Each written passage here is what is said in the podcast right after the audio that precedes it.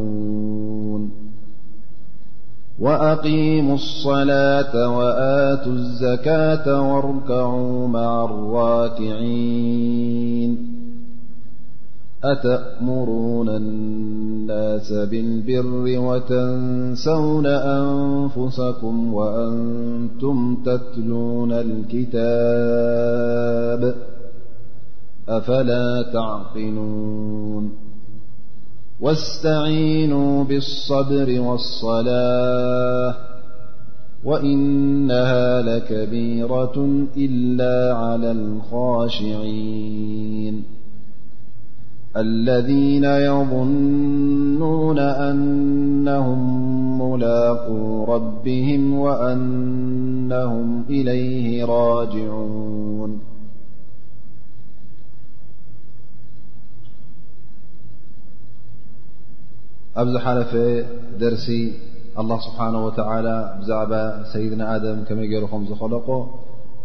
ኣኸላልቆ ጠቒስና ኩሉ እውን መጨረሻ ኣላ ስብሓን ወተላ ነብላ ኣደም ካብቲ ዝገበሮ ጌጋ ተባይሉ ተባይ ኢሉሉ ግን ኣላ ስብሓን ወተላ ንመሬት ከም ዘውረዶ እሱን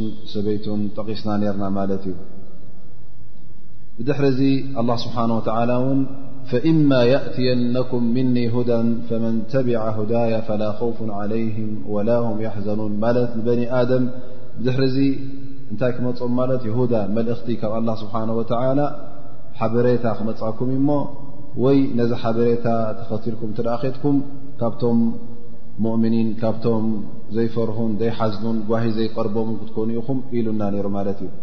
ሎሚ ኣላ ስብሓን ወተላ ኣብዚ ኣያ ክንርኢ እንተኣ ኮይና ፃውዒት የመሓላልፍ ኣሎ ናብ መን ናብ በኒ እስራኤል ያ በኒ እስራኤል ኢሉ በኒ እስራኤል እፅውዖም ኣሎ ሕጂ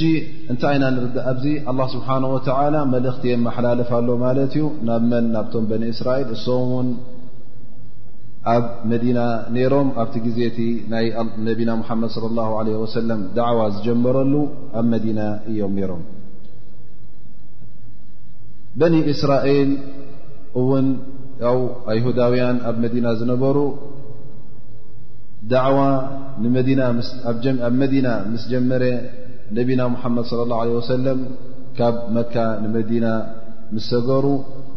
ኣብኡ ጎስጓስ ናይ ዳዕዋ ክገብሩ ከለዉ መጀመርያ ነዚ ዳዕዋ እዚ ብቐርኖም እተቐበልዎ መን እዮም እቶም ኣይሁዳውያን እዮም ነይሮም በቲ ዝነበሮም ፍልጠት ናይ ነብላ ሙሳ ይኹን በቲ ዝነበሮም ናይ ክታብ ተውራት ይኹን እንታይ እዮም ክኾኑ ዝብኦ ነይሩ እሶም መጀመርያ ዝኣምኑን መጀመርያ ናይ ነቢና ሙሓመድ ለ ላ ለ ወሰለም ናይ እስልምና ዳዕዋ ዝቕበሉን እዩ እቲ ኣብ ሓሳብ ዝነበረ ግን በቲ ኣብ ልቦም ዝነበረ ሓሳዳት ስለ ዝኾኑ ወይ ከኣ ኣብ ልቦም ዝነበረ ሓሰድን ብካልእ ምኽንያትን ግን ነዚ ዳዕዋ እዚ ክነፅግዎ ተረኺቦም ማለት እዩ ላ ስብሓን ወተላ እዚ ቃሉ ወይ ከዓ ኣብዚ ኣያ እዚኣ ሕጂ ንመን የመሓላልፎ ሎ እዚ ቃል እዚ ናብቶም ኣይሁዳውያን ወይ ከዓ ናብቶም በኒ እስራኤል ኣብቲ ግዜ ነቢና ሙሓመድ ለ ላ ለ ሰለም ኣብ መዲና ዝነበሩ ማለት እዩ ፈየቁል ላ ስብሓን ወተላ ያ በኒ እስራኤል እዚ እውን ፃውዒት እዩ በኒ እስራኤል ማለት ደቂ እስራኤል እስራኤል ሽም ናይ መን እዩ ናይ ነብላ ያዕቁብ ያዕቁብ ካልኣይ ሽሙ ካብቲ ኣስማቱ እስራኤል ዝብል ሽም ነይርዎ እዚ እውን ኣብ ግዜ ነቢና ሙሓመድ ለ ላ ለ ወሰለም ነቶም ገለ ኣብ መዲና ዝነበሩ ኣይሁዳውያን ፀዊዑ ይሓቶም ማለት እዩ ሃል ተዕለሙና ኣና እስራኤል ያዕቁብ እስራኤልሰ ያዕቆብ ምዃኑ ትፈልጡ ዲኹም ኣይትፈልጡን ኢሉ ነብይላ ሙሓመድ ለ ላ ለ ወሰለም ሓቲቶሞም ማለት እዩ ፈቃሉ ኣላሁመ ናዓም እወ ሓቂ ይብሉ ማለት እዩ ፈቃል ነቢይ ኣላሁመ ሽሃድ ያ ኣላ ኣንተ ረቢ እዛ ዝበልዋ ቃል መስክር ኢኻ ኢሎም ነቢና ሙሓመድ ለ ላ ለ ወሰለም ስለዚ ያ በኒ እስራኤል ማዕና ያ በኒ ያዕቁብ ኣንቱም ደቂ ያዕቆብ እስራኤል ሽም ናይ መን እዩ ናይ ያዕቁብ በኒ እስራኤል ተሰሚዮም ደቂ እስራኤል ማለት እዩ ወይ ደቂ ያዕቆብ ምክንያቱ እቲ ኣቦኦም ዝዓበየ ኣቦኦም ያዕቆብ እዩ ካብኡ ን ታሕቲ ኩሎም እቶም እስራኤላውያን ተወለደሎ ማለት እዮም ላ ስብሓን ወተላ በዚ ዝፈትዎ ሽም ፅውዖም ኣሎ ማለት እዩ ምኽንያቱ ብያቆብ በቲ ኣቦኦም በቲ ዓብ ኣቦሓጎኦም ኣንቱም ደቂ እስራኤል ኣንቱም ደቂ እዚ ሰብኣይ እዚ ነቢይ ዝነበረ ሰብኣይ እዚ ኣቦኹም እውን በዓል ኼር እዩ ነይሩ መገዲ ሓቂ ዝኽተል ሰብኣይ እዩ ነይሩ እሞኒ ንዑ ቃል ሓቂ ስምዑ ዝኾነ ሰብ እንተ ደኣ ሓደ ነገር ሓደ ጉዳይ ክገብሮ ክደፋፍኦ እንተ ደሊኻ እንታይ ካ ትብሎ ኣንታ ወዲ ጅግና እንዲኻ ኣንታ ማለት ኣርእየኒ ማለት ስኻ ከምቲ ናይ ኣቦኻ ታሪክ ወይ ከዓ ከምቲ ናይ ኣቦኻ ግብሪ ግበር ማለት እዩ ኣንታ ወዲ ጅግና ኣንታ ወዲ ጥዑም ሰብኣይ ኣንታ ወዲ ከምዚ ኢልካ ክጠቕሶን ከለኻ እንታይ ተዘክሮ ኣለኻ ማለት እዩ ኣቦኻ ጥዑም እዩ ነሩ እሞ እስኻ ጥዑም ኩን ኣንታ ኣቦኻ ለጋስ እዩ ነሩ እሞ ለጋስ ኩን ኣቦኻ ጅግና እዩ ነሩ እሞ ጅግና ኹን ማለት እዩ ላ ስብሓን ወተላ ብመን የዘክሮም ኣሎ ነብላ ያቆብ ኣንቱም ደቂ ያቆብ ክብሎም ከሎ እስኹም ደቂ ያቆብ ኢኹም ሞኒ እቲ ኣቦኹም ዝገብሮ ዝነበረ ንዑ ተኸተሉ ን ዘክሩ ይብሎም ኣሎ እذኩሩ ኒዕመት ለቲ ኣንዓምቱ ዓለይኩም ኣላ ስብሓን ወተላ ሕጂ ክፅውዖም እንከሎ ብምንታይ ድማ የዘኻኽሮም ኣሎ በቲ ዝሃቦም ሽሻያት ኣላ ስብሓን ወተላ ንደቂ እስራኤል ብዙሕ ሽሻያት ሂብዎም እዩ ካብቲ ዝሃቦም ሽሻያት ክድር እተ ኮይና ላ ስብሓን ወላ ኣንዘላ ዓለይህም ኣልመና ወሰልዋ መን ወሰልዋ ዝበሃል መግቢ ኣብቲ ምድረ በዳ እንከለዉ ዝብላዕ ዘይብሉ ቦታ ንብዙሕ ዓመታት ክቕመጡ እንከለዉ ኣላ ስብሓን ወተላ ካብ ሰማይ ዝብላዕ የውርደሎም ነይሩ ኣልመና ይብሉ እዚ ልክዕ ኣሱብሒ ካብ ሰማይ ይወርድ ነይሩ ማለት እዩ ኣበይ ረኽብዎ ነይሮም ኣብ ኣግራብ ለጊቡ ልክዕ ከምዚ ጡጥ ወይ ከዓ ከምዚ በረድ ይመስል ሕብሩ ወይ ከዓ ካብ ፅባ ዝፅዕዱን ካብ መዓር ዝምቅርን ጥዑም እዩ ነይሩ ማለት እዩ ካብ ድሕሪ ፈጅሪ ክሳዕ ፀሓይ ትበርቕ ረኽብዎ ነይሮም ማለት እዩ ነታ መዓልቱ ተኣኽሎ ይወስድ ንዐን ወሲዱ ይበልዕ ማለት እዩ እንተ ካብኡ ዝያዳ ወሲዱ ትብልዒ ይበላሾ ነይሩ እዚ መን ይበሃል ማለት እዩ ሰልዋ ኖዕ ምን ኣንዋዕ ጥዩር ገለ ካብቲ ዓይነታት ናይ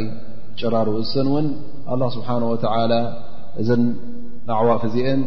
ዝበላ ኣዕዋፍ ጥዑማት ምቁራት ኣዕዋፍ ማለት እዩ ይሰደሎም ነይሩ ንዕአን ሃዲኖም ን ይበልዑ ነይሮም ላ ስብሓን ወተላ ኣብቲ ግዜ ጥፍኣቶም ኣብቲ ኣብ ምድረበዳ ጠፊኦም እከሎ ከም ዝኣመሰለ መግቢ ከም ዝኣመሰለ ሽሻይ ይቕርበሎም ስለ ዝነበረ ነዚ ፀጋ እዚ ዘክእሩ ከምኡ ውን ቅድሚ ሕጂ ኣብ ትሕቲ ፍርዖን ኣብ ትሕቲ ህዝቢ ፍርዖን ከም ባሮት ኮንኩም ተሕልፎ ዝነበርኩም ጭኮና ካብዚ ጭኮና እዚ ኣውፅናኩም ሙሳ ዓለይ ሰላም ነብላ ሙሳ ልእኽና ብሰንኩ ሒዙኩም ካብዚ ጭኮና እዚ ኣውፅእኩም እሞ እዚ እውን ዘክሩ ከምኡ ውን ማይ ምፅማእኩም ውን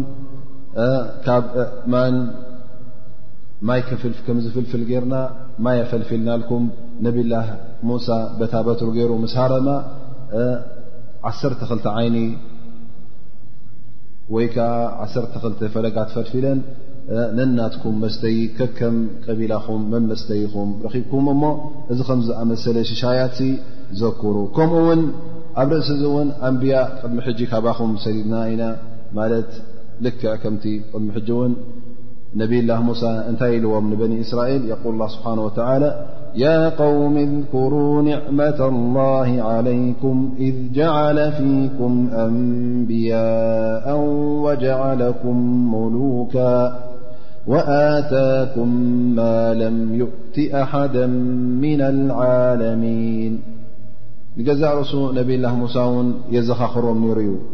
ኣላ ስብሓን ወተዓላ ካብ በኒ እስራኤል ብዙሓት ኣንብያ ካባኹም ልኢኹ እዩ እዚ እውን ሓደ ፀጋ እዩ ነዚ ፀጋ እዚ ዘክሩ እሞኒ ነዚ ፀጋ ዘኪርኩም ንኣላ ስብሓን ወተላ ዝብለኩም ዘሎ ስምዑ ነቲ ሓቂ ተኸተሉ ወጀዓለኩም ሙሉካ ከምኡ እውን ነጋውስ ገይሩኩም እዩ ኣብ መሬት ኣብ ብዙሕ ሃገራት ኣብ ብዙሕ ዓድታት ነጊስኩም ብሰናይ ትነብሩ ብስድራህዋ ትነብሩ ኢኹም ወኣታኩም ማ ለም ዩእቲ ኣሓደ ምና ልዓለሚን ኣብቲ ዘለኹሞ እዋን እውን ሓደ ሰብ ከምቲ ንስኹም ዝረኸብኩሞ ሽሻይ ማለት ኣብቲ ግዜ ነብላ ሙሳ ዝነበረ ወይ እውን ብድሕሪኡ ዝነበረ እቲ ዝተዋህብኩሞ ሽሻያት ወላ ንዝኾነ ይኹን ኣይተዋህበን ነይሩ ኢሉ ኣላ ስብሓን ወተዓላ ብመልሓስ ናይ ሙሳ ዘኻኺርዎም እዩ ሕጂ እውን ኣላ ስብሓን ወተዓላ ኣብዛ ኣያ እዚኣ ንበኒ እስራኤል የዘኻኽርዎም ኣሎ ፈያ በኒ እስራኤላ እዝኩሩ ኒዕመትየ ለቲ ኣንዓምቱ ዓለይኩም እዚ ሕጂ እዚ ኩሉ ሽሻያት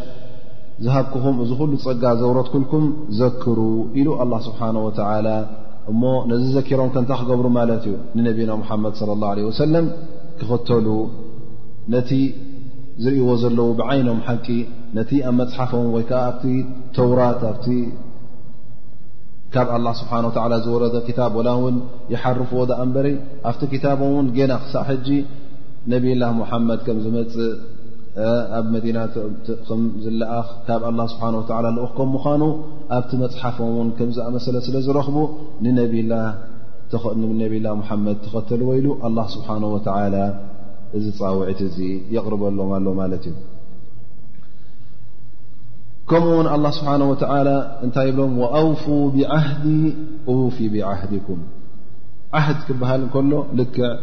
ከምዚ ውዕል ወይ ኪዳን ማለት እዩ ስለዚ እቲ በቲ ኪዳንኩም ወይ ከዓ ኪዳንኩም ኣኽብሩ እቲ ዝሃብክኹም ኪዳን እዚ ዝሃብክኹም ውዕል እውን ኣነ ከኽብረልኩም ምኽንያቱ ኣላህ ስብሓን ወተዓላ እንታይ ዝኣመሰለ ኪዳን ኣመሓላሊፉ ነይሩ ነዞም ኣይሁዳውያን ብድሕሪ ሕጂ ኣብቲ ክታቦም ማለት እዩ ነቢ ሙሓመድ ዝበሃል ክመፅእ ምዃኑን እዚ ነቢ እዚ ምስ ወፀ እውን እቲ ኣብ ዝባንኩም ዘሎ ብዙሕ ናይ ሙሓረማት ኣብ ተውራት ዝፀነሐ ብድሕሪኡ እሱ ከፋኽሰልኩም ሓድሽ ሪሳላ ወይ ከዓ ሓድሽ መልእኽቲ ሒዙ መፅኡ ከፋኽሰልኩም እዩ እንተ ደኣ ንዕኡ ተኸትልኩም እውን እቲ ትእዛዛቱ ተቐቢልኩም እውን ኣነ እውን ንዓኹም ጀና ክእትወኩም ኢሉ ኣላ ስብሓን ወተዓላ وعل أتيلم እي كم ون قدم حج ዝتقبلዎ وعل نير وي كع ዝجبرዎ مس الله سبحانه وتعالى كዳن نر ملت ي يقول الله سبحانه وتعالى كق سورة المائدة يقول ولقد أخذ الله منثاق بني إسرائيل وبعثنا منهم اثني عشر نقيبا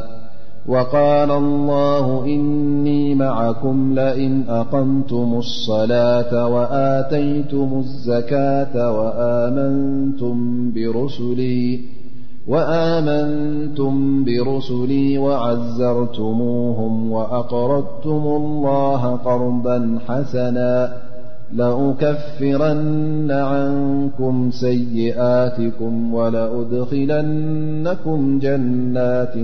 تجري من تحتها الأنهار فالله سبحانه وتعالى እዚ وዕل እዚ ዘمحላለف እنታይ ነر قال الله إني معكم أن مسኹم የ كحግዘኩم እየ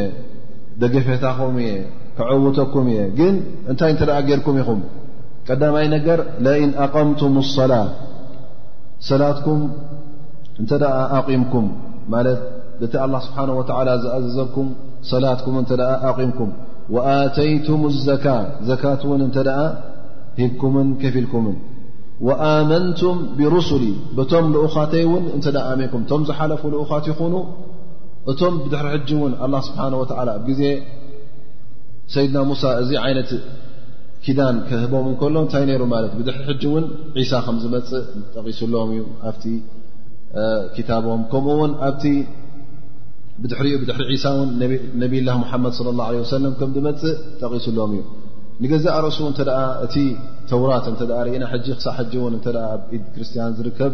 እንታይ እዮም ዝሰምዎ ብሉይ ኪዳን ኪዳን እዩ ዝስመ ነይሩ ማለት ዓህድ ብቋንቋ ዓረብ እውን ዓህድ ቀዲም ዓህድ ጀዲድ ነቲ ተውራት ዓህድ ቀዲም ወይ ከዓ ብሉይ ኪዳን ይበሃል እቲ እንጂል ወይ ከዓ ሓድሽ ኪዳን ዝበሃል ድማ ነቲ ወንጌል ብዒሳ ዝመፀ ማለት እዩ ስለዚ እቲ ኣብ ክታቦም ዘሎ ኩሉ እውን እንታይ እዩ ሩ ኪዳን እዩ ሩ ውዕል እዩ ነሩ ኣላ ስብሓን ወተላ ነዚ ትእዛዛተይ እንተ ደኣ ፈፂምኩም ኣነ ውዕል እበኩም ኣለኹ ማለት እዩ ኪዳን ኣትወልኩም ኣለኹ እንታይ ክትኾኑ ጀና ክትኣትዉ ረህዋ ክትረኽቡ ንስኹም ውን በዚ ክታበይ ቀጥ ኢልኩም ወይ ከዓ በዚ ትእዛዛት ኣብዚ ክታብ ዘሎ ቀጥ ኢልኩም ንኽትሕዝዎም ውን ኪዳን እተው ኢሉ ኣላ ስብሓን ወተላ ኪዳን ምስኦም ኣትዩ ማለት እዩ ላ ስብሓን ወተላ እዚ ሓደሓደ ኪዳናት ውን ምስኦም ዝነበረ ኣብ ክታብ ረቢ ወይ ከዓ ኣብ ቁርን ጠቂስዎ ማለት እዩ ካብቲ ዝኣተዎ ኪዳን ድማ ኢቃመት ሰላት ክገብሩ ዘካት ክህቡ ወኣመንቱም ብሩሱሊ በቶም ኣንብያ ክኣምኑ ከምኡ ውን ዓዘርትሙም ነዞም ኣንብያ እውን ክተኽብርዎምን ቃሎም ክትሰምዕዎምን ኣቅረድቱም ላ ርዳ ሓሰና ንኣላ ስብሓ ወላ ውን ሰናይ ልቓሕ ሰናይ ልቓሕ ንኣ ስብሓ ሃብ እንታይ ማለት እዩ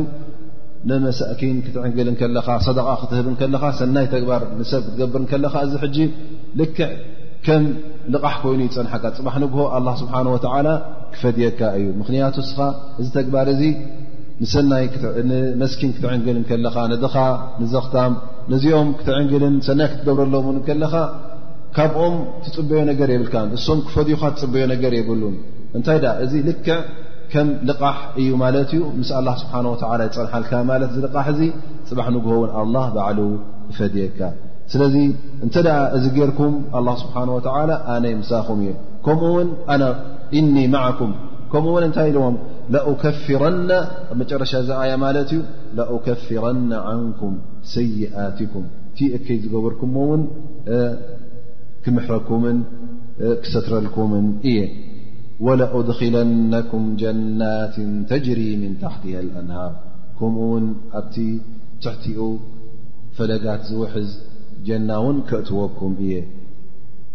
እዚ ሕጂ እቲ ኣላ ስብሓን ወተዓላ ዝሃቦም ውዕል ማለት እዩ ሕጂ ካብ ኣላ እንታይ እዮም ፅበዩ ዘለዉ ሶም እኖ ምስኦም ክኸውን ክዕውቶም ክድግፎም እቲ ዘንቦም ክምሕሮም ተደኣ ጌጋታት ገይሮም እዚ ጌጋታት እዚ ክሰትረሎም ከምኡ ውን ጀና ንኸእትዎም ቃል ኣትዩ ማለት እዩ ኣላ ስብሓን ወተዓላ ኣብ ቅድሚኡ ከንታ ክገብሩ ኣለዎ ምሶም ሙቃብሉ እንታይ ማለት እዩ እሶም ውን በቲ ኣላ ስብሓን ወተዓላ ዝኣዘዞም ናይ ሰላት ይኹን ናይ ዘካት ይኹን ናይ ኣንብያ ቃላት ምስማዕ ይኹን ምኽባር ይኹን ኩሉ እዚ ነገራት ገብሩ ከለዉ እዚ ሕጂ እቲ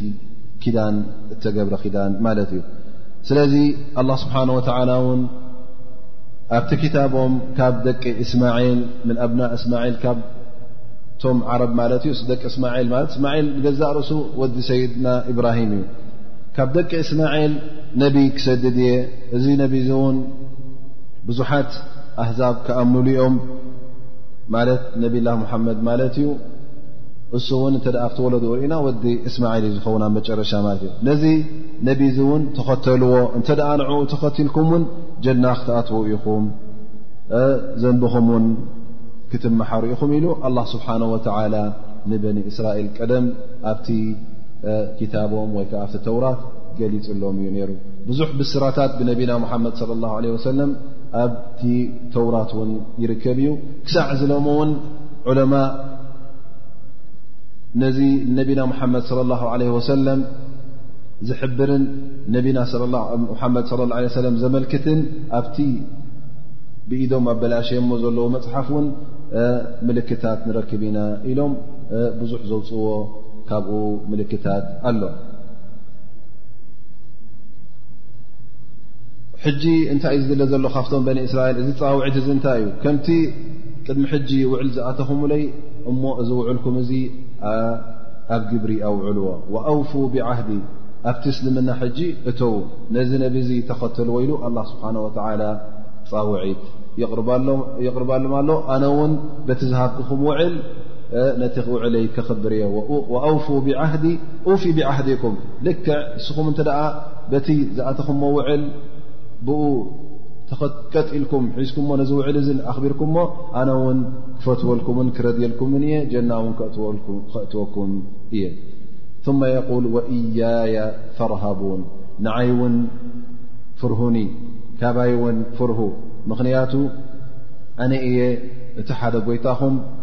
ቅድሚ ሕጂ እውን ነቶም ነቲ ቃለይ ዘይሰምዑን ትእዛዘይ ዘይክተሉን ካባኹም ይኹኑን ካብ ካልእ ኣህዛብ ነቶም ኣንብያ ዝለኣኽክዎም ኣንብያእን ነቶም ዝለኣኽክዎም ልኡኳትን ዝነፅጉን በቲ ሒዞሞ ዝመፁ መልእኽቲ ዝኽሕዱ ዝነበሩ ኣነ ነዞም ሰባት እዚኦም ከመይ ዝኣመሰለ ስቓይን ከመይ ዝኣመሰለ ውርደትን ከም ዘውረድኩሎም ስለ እትፈልጡ ሕጂ እውን ተጠንቀቑ ካባይ ፍርሁ ይብሎም ኣሎ ኣላ ስብሓን ወተላ ሕጂ ኣብዚ ኣያ እዚኣ ክልተ መገዲ ሒዙ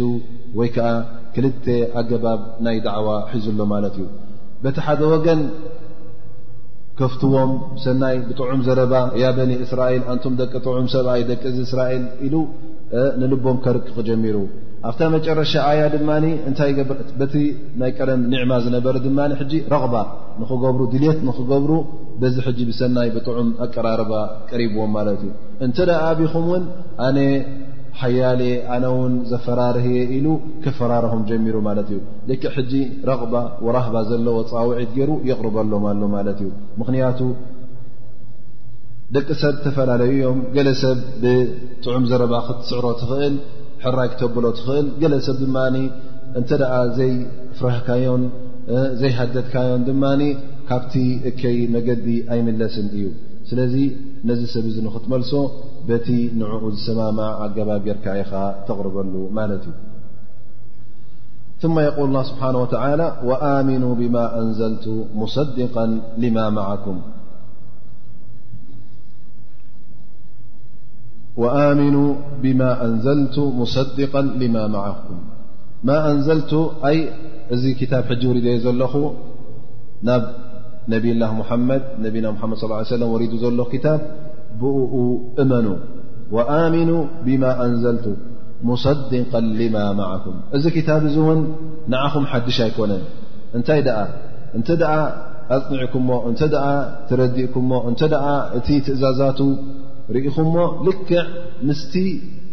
ናቱ ቅድሚ ሕጂ ዝመፀኩም ትእዛዛት ምስኡ ዝሰማማዕ እዩ ንዕኡ እውን ዘረጋግፅ እዩ ሓድሽ ዲን ኣይኮነን እቲ ቀንዲ ዲን ካብ ኣላ ስብሓን ወተላ እንታይ እዩ ተውሒዱ ላ ኩሉ ግዜ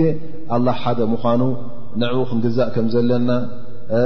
ብእልኡኻት ክንኣምን ከም ዘለና ሰናይ ክትገብር ከም ዘለካ ካብ እከይ ክትርሕቕ ከም ዘለካ እዚ እቲ ቐንዲ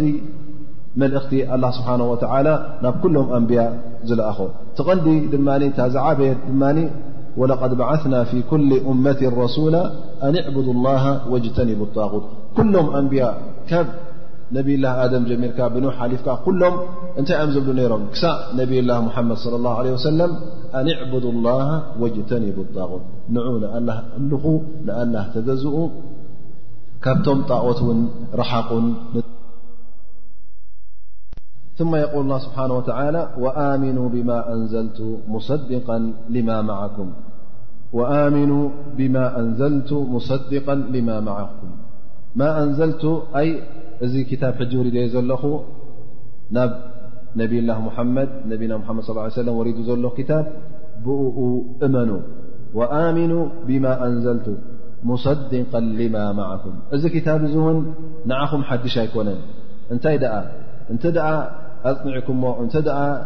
ተረዲእኩሞ እንተ ደኣ እቲ ትእዛዛቱ ርኢኹሞ ልክዕ ምስቲ ናት ቅድሚ ሕጂ ዝመፀኩም ትእዛዛት ምስኡ ዝሰማማዕ እዩ ንዕኡ እውን ዘረጋግፅ እዩ ሓድሽ ዲን ኣይኮነን እቲ ቀንዲ ዲን ካብ ኣላ ስብሓን ወተላ እንታይ እዩ ተውሒዱ ላ ኩሉ ግዜ ኣላ ሓደ ምዃኑ ንዕኡ ክንግዛእ ከም ዘለና ብእልኡኻት ክንኣምን ከም ዘለና ሰናይ ክትገብር ከም ዘለካ ካብ እከይ ክትርሕቕ ከም ዘለካ እዚ እቲ ቀንዲ መልእኽቲ ኣላ ስብሓን ወተዓላ ናብ ኩሎም ኣንብያ ዝለኣኾ እቲ ቐንዲ ድማ እታ ዝዓበየት ድማ ወለቐድ በዓትና ፊ ኩል እመት ረሱላ ኣን ዕቡድ ላሃ ወጅተኒቡ ጣቁት ኩሎም ኣንብያ ካብ ነብይላ ኣደም ጀሚርካ ብኖሕ ሓሊፍካ ኩሎም እንታይ እዮም ዝብሉ ነይሮም ክሳዕ ነብይላ ሙሓመድ ለ ላ ለ ወሰለም ኣን ዕቡድ ላሃ ወጅተኒቡ ጣቁት ንዑ ንኣላ ኣምልኹ ንኣላ ተገዝኡ ካብቶም ጣኦት ውን ረሓቑን ንጣዖትን ንፀጉን ስለዚ እታ ቀንዲ መልእኽቲ እዚኣ ኣብ ነቢና ሙሓመድ ለ ላ ለ ሰለም እውን ነዛ መልእኽቲ እዚኣ ሒዙ ይመፅ ዘሎ እቲ ካልእ ክቕየር ዝኽእል እዩ ንኣብነት እቲ ኢማን እቲ ናይ ኢማን ወገን እዩ ዘይቅየር ድኣ እምበር ንኣብነት ናይ ስያም ክቕየር ይኽእል እዩ ወርሒ ዝነበረ ክልተ ወርሒ ይኸውን ክልተ ወርሒ ዝነበረ ወርሒ ይኸውን ኣብዚ ሕጂ ምቕያርን ምስራዝን ይርከብ እዩ ብልዕታት ሓላል ዝነበረ ሓራም ክኸውን ይኽእል ሓራም ዝነበረ ሓላል ክኸውን ይኽእል እዚ ሕጂ ኣላ ስብሓን ወተዓላ በቲ ናቱ ሕክማ በቲ ናቱ ድልት በቲ ናቱ ብልሃት እንታይ ይገብር ማለት እዩ ከከም ዘበናቱ ገይሩ እቲ ንሙሉእ ዘበናት ዝኸይድ ኣብዚ እስልምና ምፅእዎ ማለት እዩ እቲ ሓላል ሓላል ገርዎ እቲ ሓራም ሓራም ገርዎ ግን እታ ቐንዲ መልእኽቲ እንተ ደኣ ክንሪኣ ኮይንና ቀደም ነብላ ኖሕ ዘምፅኣን እታ ነብላ ሙሓመድን ነብላ ሙሳን ዒሳን ዘምፅዋ እንታይ እያ ኩላ እንታይ እያ ትኽልካ ብጀካ ንሓደ ኣላ እንተዘይኮይኑ ንኻልእ ፍጹም ኣምልኾት ንኸይትህብ ብጀካ ንሓደ ኣላ ድማ እተዘይኮይኑ ንኻልእ ንኸይትግዛእ እትብል ትእዛዝ እያ ስለዚ ኣላ ስብሓን ወተላ ይብሎም ኣሎ ወኣሚኑ ብማ ኣንዘልቱ ሙሰዲቃ ልማ ማዓኩም እዚ ሕጂ ዘውርዶ ዘለኹ እዚ ነና እዚ ነብይ ሙሓመድ ሒዝዎ ዝመፅ ዘሎ መልእኽቲ ሓድሽ ኣይኮነን እንታይ ደኣ ነቲ ምሳኹም ዘሎ ዘረጋግፅን ነቲ ምሳኹም ዘሎ ምስቲ ምሳኹም ዘሎ ዝሰማምዕን እዩ ወላ ተኩኑ ኣወለ ካፊር ብ እዚ እውን መጠንቀቕታ ማለት እዩ ወላ ተኩኑ ኣወለ ካፊር ብ ካብቶም ንመጀመርያ ዝክሕድዎ ዘለዉ ውን ኣይትኹኑ ምኽንያቱ ከምቲ ዝበልናዮ ኣይሁዳውያን ይኹኑ ወይ ውን ክርስትያን ይኹኑ እቶም ኣህል ክታብ እንተ ርእና እሶም እቶም መጀመርያ ብነብላ ሙሓመድ ክኣምኑ ዘለዎም እዩ ምኽንያቱ ኣብቲ ክታቦም ኣሎ ኣብቲ መፅሓፎም ውን ዝረኽብዎ ጉዳይ እዩ ምስቲ ናቶም ውን እቲ ቅንዲ መልእኽቲ ናይ ነቢና ሙሓመድ ለ ላ ለ ሰለም ዝገራጮ ኣይኮነን ስለዚ እሶም ሲ ቀዳሞት በዚ ዲን እዚ ዝኣምኑ ክኾኑ እዩ ዘለዎም ክኾኑ ዘለዎም እምበር መጀመርያ እቲ ካልእ ሰብ እናኣመነ ከሎ እሶም ክክሕዱ እዚ ሕጂ ዓብዪ ገበን እዩ ወላ ተኩኑ ኣወለ ካፍሪን ብ እዚኦም ሕጂ ንመን ዝብል ዘሎን ኣላ ስብሓን ወተዓላ ነቶም ኣብ መዲና ዝነበሩ ኣይሁዳውያን እሶም ሕጂ እቶም ኣህል ክታብ እቶም በኒ እስራኤል ማለት እዮም ንመጀመርያ መልእኽቲ ናይ ነቢና ሙሓመድ ስ ሰለም ዝሰምዑ ዘለዉ ኣይሁዳውያን ድማ እቶም ኣብ መዲና ዝነበሩ እዮም እዎ ቅድሚ ሕጂ ሙሽርኪን ኣብ መካ ዝነበሩ ዝኸሓዱ ኣለዉ ግን ካብ ኣህል ክታብ ወይ ከዓ ካብ ኣይሁዳውያን ዝኸሓደ ቅድሚ ሕጂ ነበረን እዚ መልእኽቲ እዚ እውን ሕጂ ትሰምዑ ኣለኹም ኣብ መዲና ምስ መፀ ሙሓመድ ለ ላ ለ ወሰለም ትሰምዑዎ ኣለኹም እዚ መልእኽቲ ምስኡ ዝለኣኽክዎ ኢሉ ኣላ ስብሓን ወተላ ይሕብሮም ኣሎ እሞ የጠንቅቆም ውን ኣሎ ስለዚ ካብቶም ወይ ከዓ ቀዳማይ ዝኸሓደ ኣይትኾኑ ምኽንያቱ እስኹም ቀዳማይ ዝኣመነ ክትኮኑ እዩ ዝግብኣኩም ወላ ተኩኑ ኣወላ ካፍር ብ ምኽንያቱ እስኹም እኹል ፍልጠት ኣለኩም እኹል ዕልሚ ኣለኩም ስለዚ ክትቅበልዎ እዩ ዘለኩም ዳኣ እምበር ክትከሕዱ የብልኩምን كم ن ولا تشتروا بآيات ثمنا قليلا بت ورت كلكم ك ور لكم እزز ن وح ي بوحد رب أيتلوዎ ولا تشترا بآيات ثمنا قليلا ب ا دس ب ن رهوان مل تعشخم ነቲ ትእዛዛት ኣላ ስብሓን ወተላ ነቲ መገዲ ሓቂ ነቲ ኢማን ብላ ስብሓን ወተላ ነቲ ብነብላ ሙሓመድ ለ ላ ሰለም ምእማን በቲ ናይ ኣዱንያ ኣይትለውጥዎ ነቲ ናይ ኣዱንያ ረብሓ ንክትረኽቡስ ናይዚ ኣራ ኢማን ኣይትንፀጉ ምኽንያቱ ልክዕ እስኻ እንታይ ኢ ክትገብር ዘለኻ ማለት እዩ ከምዚ ሸቐጥ ወይ ከዓ ምልዋቕ ትለዋወጥ ከለኻ እስኻ ገንዘብ እሱ ኣቕሓ ክበካ እንከሎ ልክዕ እስኹም እውን ነቲ ር ወይ ከዓ ነቲ መገዲ ሓቂ ነፅእኩም ንኣዱንያ ንኸተትርፉስ ኣይትሕሰቡ ወላ ተሽተሩ ብኣያት ተመና ቀሊላ በቲ ናተይ ኣያ ውሑድ ተመን ወይ ከዓ ውሕድ ዕዳጋ ኣይትግዝኡ ማለት ክቡር ነገር ክትሕዙ ኣለኩም ዳኣ እምበር እቲ ሕሱር ዋጋስ ክትቀርብዎ የብልኩን ምኽንያቱ እዛ ዱንያ እንታይ እያ ንገዛ ርእሳ እዛ ዱንያ ሕስርቲ እያ በዛ ሕስርቲ ዱንያ ጌርኩም ነቲ ናይ ኣኼራ ኣይትለውጡ ነቲ ናይ ኣኼራ ክቡርን ዘለኣለማዊ ናብራን ዘለኣለማዊ ደስታን በዚ ውሑድን ቀሊልን ደስታን ኣይትለውጡ ኢሉ ኣላ ስብሓን ወተላ የዘኻኽር ኣሎ እዚ ሕጂ ንበኒ እስራኤል ዘዘኻኽሮም ዘሎ ግን ንሕና ውን ክንዘኻኸረሉ ኣለና ከምኦም ክንከውን የብልናን ንዓና ውን መጠንቀቕታ እዩ እስኻስ ንምንታይ ኻ ትመርፅ ናይ ኣዱንያ ዲኻ ትመርፅ ወይ ናይ ኣራ ንኣዱንያ ብኣራ ትሸጣዶ ወይስ ኣራ ብኣዱንያ ትሸይጥ ኣይ እንታይ ኢኻ ትገብር እሞ ምረፅ ማለት እዩ እስኻ ውን እዚ ታሪክ እዚ እዚ ሲራ እዚ እውን ተዓዘቦ ኣብቲ ሶም ዝወደቕዎ ጌጋታት ንኸይትወድቕ ኩሉ ግዜ እዚ ቁርን ዝመፅእ ወላ ውን ናይቶም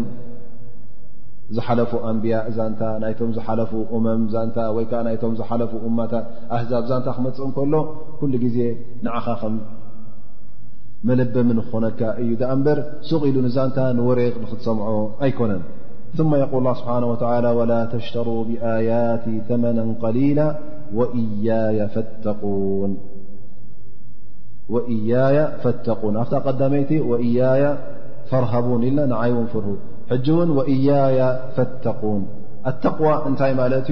تقوى بዙح ترم كوهب يكل ن تترم بዙح ترمتوهب ل أب حد معكم እዩ زفسس جل علماء نታ يبل التقوى يبل أن تعمل بطاعة الله رجاء رحمة الله على نور من الله وأن تترك ማዕስየት ላህ ዓላ ኑር ምና ላህ ተኻፉ ዕቃብ ላህ እዚ ሓደ ትርጉም ናይ ተቕዋ እዩ ማለት ተቕዋ ዝበሃል እንታይ እዩ በቲ ጣዓ ናይ ኣላ ስብሓን ወተላ ብጣዓት ላህ ክትገብር ማለት በቲ ኣላ ዝኣዘዘካ ምእዘዛ ክትምእዘዝ እዚ ድማ ስለምንታይ ራሕመት ረቢ ኣጅሪ ንኽትረክብ ከምኡ ውን ዓላ ኑር ምና ላህ ማለት እዚ ምእዘዛዝ እውን ዓላ ኑር ሚለላ መገዲ ረቢ ዝሓዘ ክኸውን ኣለ ማለት ባዕልኻ ዝመሃዝካ ይኸውን የብሉን እንታይ ደኣ ከምቲ ኣላ ስብሓን ወተዓላ ዝሸርዓልካ ክኸውን ኣለዎ ስለዚ እዚ ተቕዋ በሃል ከምኡ ውን ኣንተትሩካ ማዕስየት ኣላ እቲ ማዕስያ ናይ ኣላ እቲ ዘይምምእዛዝ ውን ካብቲ ዘይምምእዛዝ እውን ክትርሕቕ ዓላ ኑር ሚና ላ እዚ እውን ልላ ስብሓን ወተላ ክኸውን በቲ ኣላ ስብሓን ወተላ ዝኣዘዘካ እውን ክትክተል ማለት እምበር ባዕልኻ ድምሃዝካ ይኸውን የብሉ ተኻፉ ዕቃብ ኣላ ስለምንታይ ከ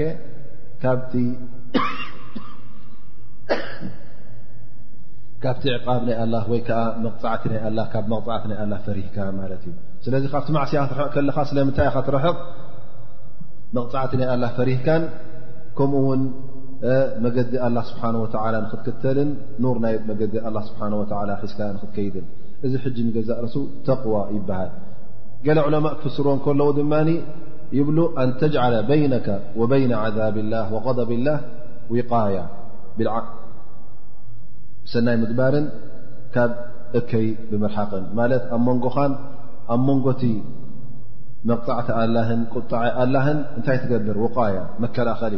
መንደቕ ሳትር ትገብር ማለት እዩ እዚ ሳትር እዚ ከእንታይ እዩ ሰናይ ግብርን ካብ እከይ ምርሓቕን ኣላ ስብሓን ወተላ ዝኣዘዘካ ብምእዛዝን ኣላ ስብሓን ወተላ ካብ ዘጠንቀቐካ ብምጥንቃቕን ብምቁጣብን እንታይ ጌርካ ኣለካ ሕጂ መከላኸሊ ወይ ሳትር ጌርካ ውቃያ ውቃያ ክበሃል ከሎ ሕጂ መከላኸሊ ማለት እዩ ኩሉ ግዜ ስለዚ እዚ ዩ ተቕዋ ክንብሎም ከለና ኣብ መንጎኻን ኣብ መንጎ ዓዛብላ ወይ ከዓ ስቃይ ኣላህን ኣብ መንጎ ቆጣዓ ኣላህን እንታይ ትገብር ኣለኻ መከላኸሊ ክትገብር ከለኻ እዚ እዩ ተቕዋ ዝበሃል ይብሉ ወእያያ ፈተቁን ንዓይ ውን ፍርሁ ንዓይ ውን መከላኸሊ ካብቲ ቁጠዓኢ መከላኸሊ ግበሩ ይብል ኣላ ስብሓን ወላ ምኽንያቱ እንተ ደኣ ንነቢና ሓመድ ለ ላ ሰለም ተኸትልካ ነቢና ሓመድ ለ ላ ሰለም ዝኣዘዙኻ ተኣዚዝካ ነብላ ሓመድ ለ ላ ሰለም ዝሓዝዎ ሒዞሞ ዝመፁ መልእኽቲ ንኡ ኩሉ ናተይልካ እተ ሒዝካ እንታይ ጌርካ ማለት እዩ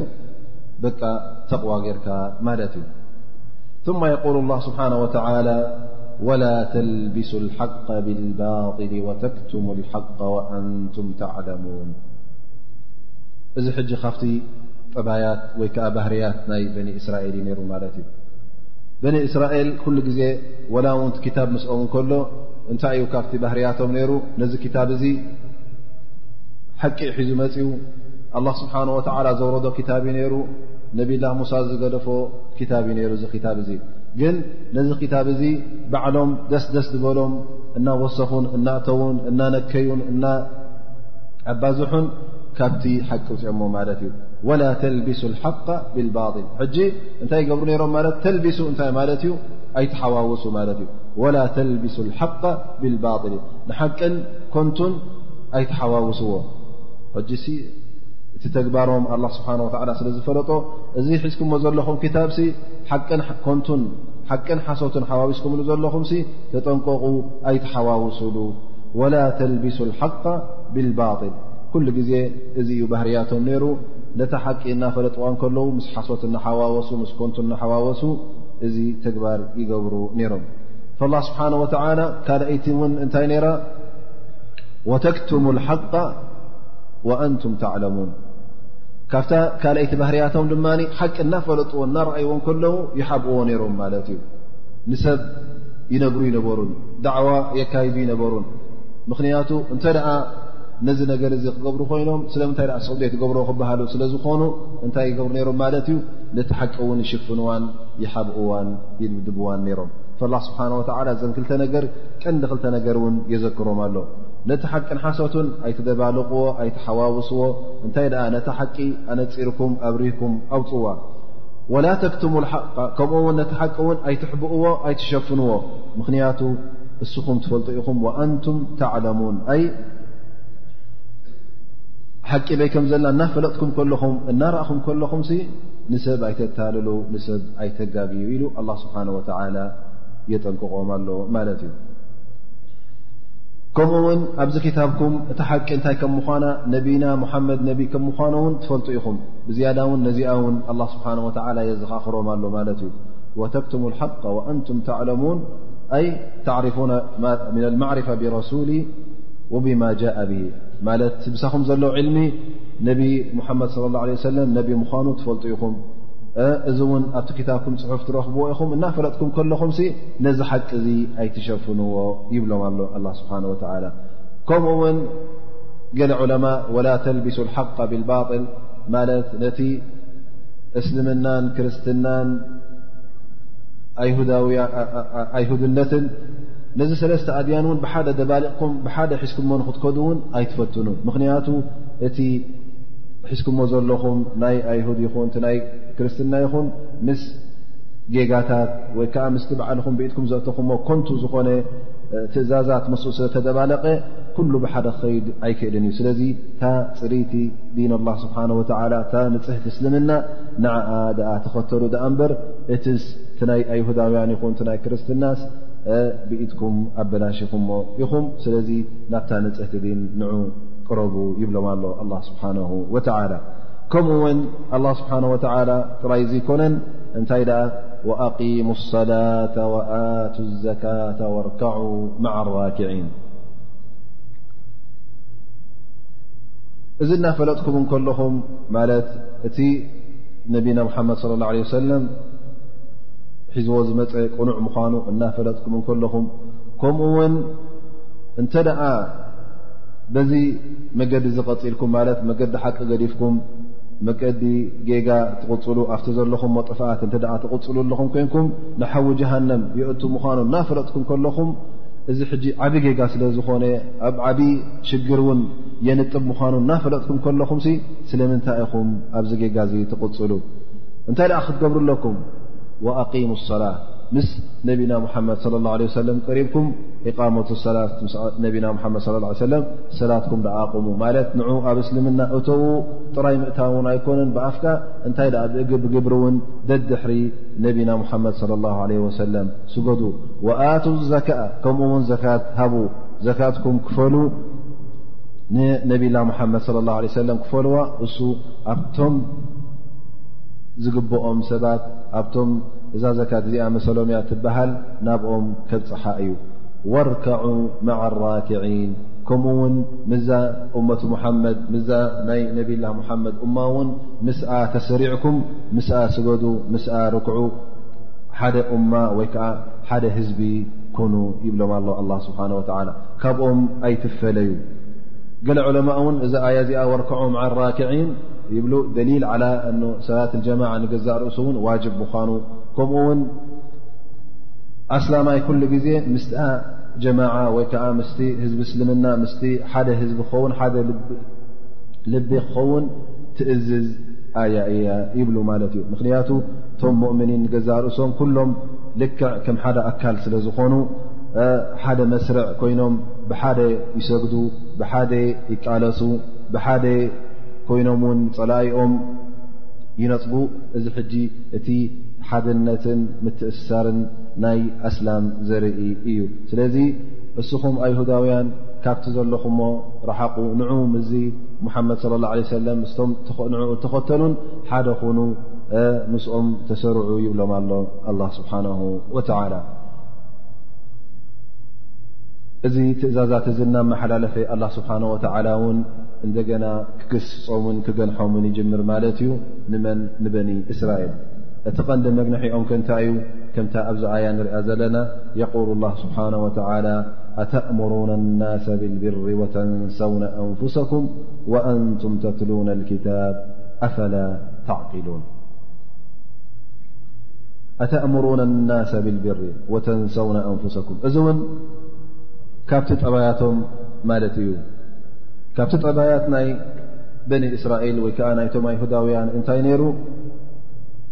ንሰብ ምናልባሽ እዚ ጌጋ እዩ እዚ ፅቡቕ እዩ ነዚ ግበሩ ነዚ ኣይትግበሩ ኢሎም ይመኽሩ ዳዕዋ ይገብሩ ግን ነብሶም ይርስዑ ነይሮም ማለት እዩ ነብሶም ይገድፉ ኣድላያ ትገብር እዚ ሕጂ ከመይ ገይሩ እዚ ነገር እዚ ቁኑዕ ይኸውን ኢሉ ኣላ ስብሓን ወላ ይገንሖም ኣሎ ከመይ ጌርኩም የኣህለልክታብ ኣንቱም ንፈልጥ ኢና ትብሉ ኣንቱም ክታብ ተዋሃብኩም ኣንቱም ወኣንቱም ተትሉነ ክታብ ቲ ክታብ ኣብ ኢድኩም ኣሎ እቲ መፅሓፍ ኣብ ኢድኩም ኣሎ ተንብብዎ ኣለኹም ነዚ ክታብ እዚ ናንበብኩም ከለኹም ሲ ከመይ ጌርኩም ኢኹም ንሰብ ንሰናይ ትመርሑ ኣብ ርእሲኡ ግን ነታ ነብስኹም ትርስዑ ስለምንታይ ነታ ነብስኹም ከዘይትእዝዝዋ ልክዕ ከምቲ ነቶም ኣሕዋትኩም ወይ ከዓ ነቶም ካልኦት ሰባት መገዲ ትሕብርዎም ዘለኹምን ትእዝዝዎም ዘለኹም መገዲ ቅንዕና ነዛ ነብስኹም ከ ስለምንታይ ዘይትእዝዝዋን ንመገዲ ር ወይ ከዓ ንመገዲ ቅንዕና ኸ ዘይትሕብሮ ኣፈላ ተዕቂሉን ቁሩከ እትገብርዎ ዘለኹም ኣይትርድእዎን ኢኹም እንታይ ትገብሩ ከም ዘለኹም ነዛ ነብስኹም ከመይ ገርኩም ከም ትገድዋ ዘለኹም ቁሩከ ኣይፍለጠኩም እንዶ እሞ ካብቲ ዘለኹሞ ድቃሲ ተበራበሩ ካብቲ ዘለኹሞ ጥፍኣት እውን ንዑ ተመለሱ ኢሉ ኣላ ስብሓን ወተላ የዘኻኽሮም ኣሎ ሕጂ እንታይ እዩ ዘረዳእና ዘሎ እንተ ሓደ ሰብ ንሰብ ንመገዲ ር ዝዕድም እተ ኮይኑ ግን ንነብሱ እተ ዝርስዕ ኮይኑ እዚ እንታይ እዩ ዳርጋ ዓቕሊ ዘይብሉ ኣፈላ ተዕቂሉ ክብሎም ክ ኣ ስብሓ ወላ እንታይ ማለት እዩ ልክ እገንሖም ኣለ ማት እዩ ልክ እዚ ስራሕ እዚ ስራሕ ፅሉላት እዩ ዓቕሊ ዘለዎ ሰብ ኣእምሮ ዘለዎ ሰብ እዚ ነገር ኣይፈፅምን እዩ እንታይ ማለት እዩ እተ ንሓደ ሰብ እስኻ ሓዊ ጀሃንም ወይ ከዓ ዝኾነ ሓዊ ኣብ እከይ ነገር ክጥበስ እተሪእካዮ ንዓንዓልካ ትመልሶ ንስኻ ግን ስዑልካ ክትኣትዋ ከለካ እንታይ ይብለካ ሰብ ጥር ኢልካ ክተሓዊ ክትኣ ከለኻ ፅሉል ክብለካ ዩ ኩሉ ሰብ ዝረኣየካ ሰብ እዛ ፅሉል ይብለካ ነቲ ሓዊ ክኣቶ ሓሲቡ ነበረ ንኡ ምልስ ኣቢሉ ንርእሱ ድርግም ኢሉ ኣትዎ ኣብልኻ እዚ ነገር ክትሕክዮ ከለኻ ሰብ ክትነግሮ ከለኻ ዛት ኣይኣምኑኻን ወይ ፅሉል ክኸውን ኣሎ ወይ ስኻ ካፀልልካ ዘለኻ በር እዚ ነገር ዝኸውን ኣይኮነን እብልኻ ማለት እዩ ላ ስብሓን ወተላ ልክዕ እዚ ጉዳይ እዙ ከምኡ ከም ምዃኑ ናይ ፅላለ ሓንጎል ዘለዎ ኣእምሮ ዘለዎ ሰብ ከምዚ ከም ዘይገብር ምኽንያቱ ስኻ እንታይ ክትገብር ዘለኻ ቢር ብር ንዑ መገዲ ር ሓዙ ንኣላ ስብሓ ወላ ኣምልኹ መገዲ ሸይጣን ግደፉ ክትብል ከለካ እንታይ ትብሎም ኣለኻ ካብ ሓዊ ጀሃነብ ረሓቑ ንዑ ንጀና እተው ኢኻ ትብል ዘለኻ እዚ እናበልካ ከለኻ በዓልካ ከድካ ነታ ጀሃነብ ብእግርኻ ደቕድቕ ኢልካ ተኣትዋ ፅሉል ሓይሽ ካባኻ በር ጥራይ ፅሉል ኣይኮንካ ላ ስብሓ ወላ ሕጂ ኣፈላ ተዕቂሎም ክብል ከሎ ንዕኦም ጥራይ ኣይኮነን ንዓይ ንዓኻ ንዓኺ ንኩላህና እዩ ዘዘኻኸረና ዘሎ ብዝያዳ ድማ ወኣንቱም ተትሉን ክታብ እቲ ዘገርመካ ውን ብጅሁል ኣይኮነን ማለት እስኻ ንኣብነት ንሓደ ሰብ ድንቁርና ኣለካ ኮይኑ ግን ኣብ ሓደ ሓደ ነገራት ስለ ትፈልጥ ኣብ መገዲ ር ሓቢርካዮ ማለት እዩ ግን ገለ ዘይትፈልጦ ነገር ስለ ዝኾነ እስኻ ኣብዚ ዘይትፈልጦ ነገር ብጅሁሊ ተጋጊኻ ዘይትፈልጥ ስለ ዝኾንካ ኣብታ መገዲ ሓዊ ከትካ ንበላ ግን እንተ እናፈለጥካ ዓይንኻ እናረኣኻ መገዲ እከይ እናፈለጥካ ና ክትገብር ከለኻ እዚ ሕጂ ትዝዓበ ማለት እዩ ልክዕ ከምዚ ናይ በኒ እስራኤል ኣተእምሩን ናሳ ብልቢሪ ወተንሰውነ ኣንፍሰኩም ወኣንቱም ተትሉነ ክታብ እቲ ክታብ እናቀረእኩም ኣብኢትኩም ከሎ እናንበብኩምዎ ከለኹም እዚ ሓቂ ዝሓሰት እዩ እናበለኩም ከሎ ከመይ ጌርኩም ኢኹም ትጋገዩ ኣፈላ ተዕቂሉን ቁሩብ ከዛ ኣእምሮ ላሃኩም ድያ ማለት እዩ ስለዚ ኣላ ስብሓን ወተላ ነዚ ነገር እ ክጠቕሰልና ውን ከሎ እንታይ ማለት እዩ እዚ ጉዳይ እዚ እውን ጥራይ ንዓኻ ኣይኮነን ዝጎድኣካ እወ መገዲ እከ ተጋጊኻ ስኻ ንሓዊ ጀሃንም መሪፅካ ኣለኻ ግን እዚ ባህርያት እዚ ማለት መገዲ ሓቂ ንዑ በዚ ዩ እናበልካ ንሰብ ክትሕብር ከለኻ ስኻ ካብዚ መገዲ እዚ ርሒቕካ ካልእ ተግባራት ክትፍፅም ከለኻ ዝርእካ ሰብ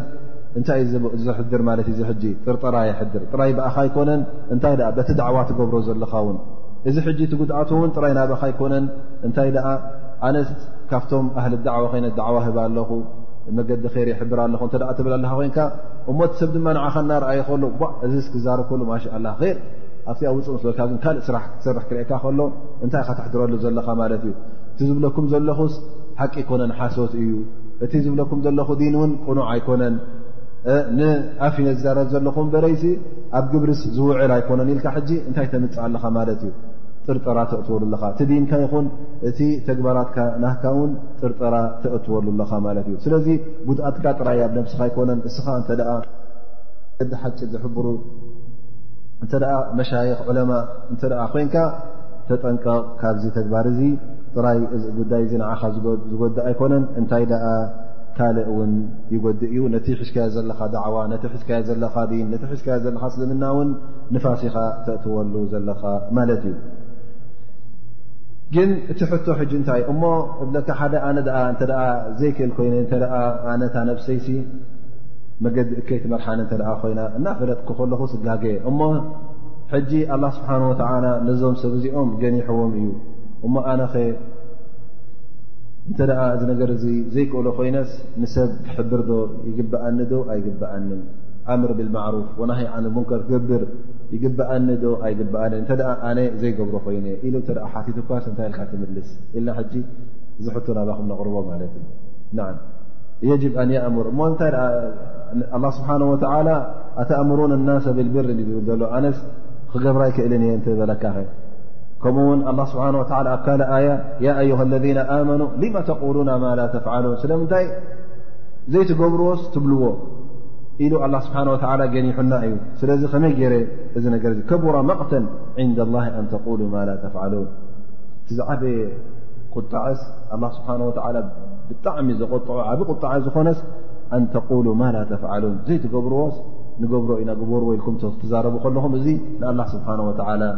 ዝቆጥ እዩ እሞ እንታይ ደ ክንገብር ስቕ ክንብል ኣነ እተ ወቓዕ ከበሮ ኮይነስ ነቶም ከበሮ ዝወቕዑ ዘለዉ ወይ ከዓ ነቶም ዝደርፉ ዘለዉስ ያዕ ክብሎም ኣይክእልን እየ ምክንያቱ ስለ ዝፈልጡኒ ኣነ በዓል ሙንከር ስለ ዝኾንኩ ወይ ከዓ እንተ ኣነ ኣወልዕያዙ ብላ መስተ ሰተ እተ ኮይነ እተ ቶም ሰብ መስተ ዝሰት ይርኦ እዮም ሱቕ ኢለ ሓልፍ ምክንያቱ እስኻ ስተትን ሃክብሉን እኦም እሞ እንታይ ደኣ ክግበር ኣለዎ እዚኣ ሕቶ እዚኣ ስከመይ ገርኩም ትምልስዋ እዚ ሰብ ንኣብነት ሓደ ሰብ መስተ ዝሰተ እተ ኮይኑ እሞ እናሓለፈ ከሎ ካልኦት መስተ ክሰት ይርእዎም ሓራም ዮ መስተይ ትስተዮ ክብሎም ይኽእል ዶ ኣይክእልን ንክብሎም ከ ዋጅብ ዩ ዋጅብ ኣይኮነን ንባዕሉ እናሰተያስ ከመይ ገይሩ ክብሎም ነብሱ ስለ ዘይፅረየስ ግን ዋጅብ ዩ ንክብሎም ከ ኣይኮነን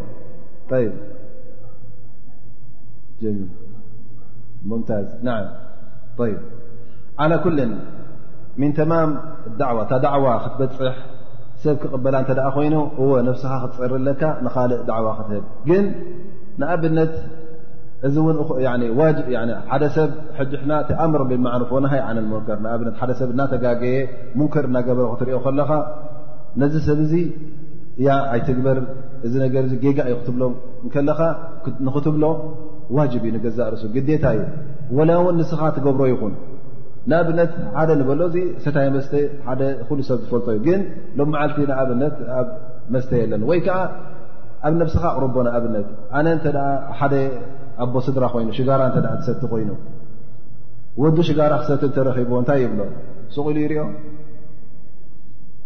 ስቕሉ ክሪኦ ከሎ ሕጂ ስኻ ናስኻ ውን ጌጋ ገይሩ ኢካ ትብሎ እሱ ተተጋግየሞን ወዱ እናተጋግየ ክገድፎ ኢካ ትብል እዚኣ ውን ልክዕ ከምያ እስኻ እወ ተጋጊኻ ኣለኻ እተ ከምኡ ኢሎም መሊሶምልካ እሞ ኣነስ ሓዊ ጀሃነብ ተኣተኹ ዘድሕሪ ዶ ተኣት ኢልካ ትምልሰሎም እቲ ሓቂ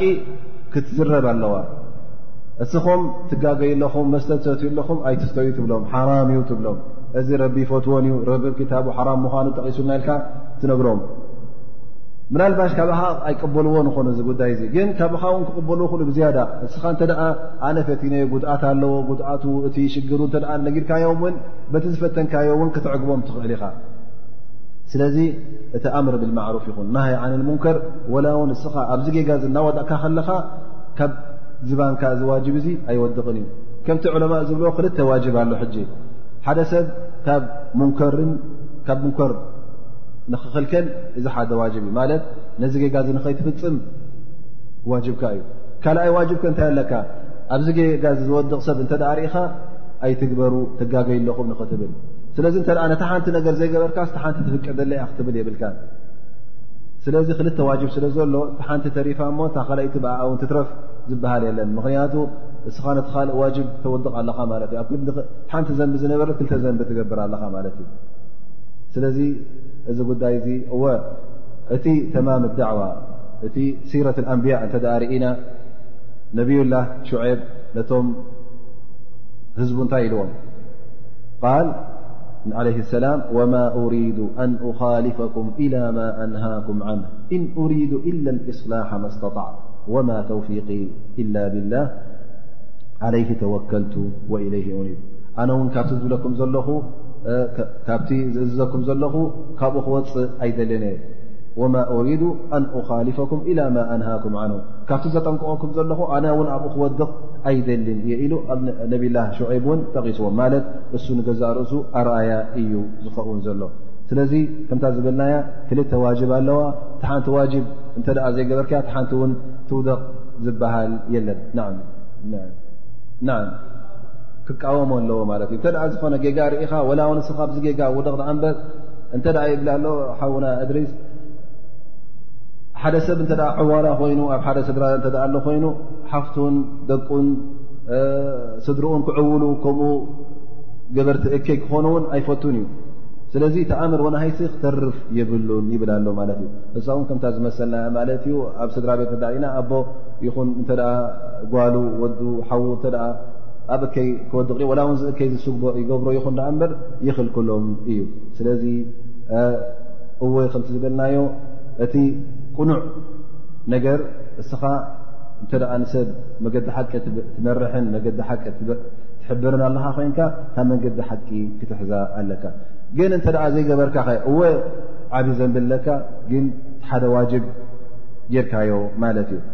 ከምኡ ውን እዞም ከም ዝኣመሰሉ ዳዕዋ ዝህቡ እሞ ንሰብ መገዲ ሓቂ እናሓበሩ ከለዉ ንሶም ተሓቢኦም እከይ ዝገብሩ እተ ኮይኖም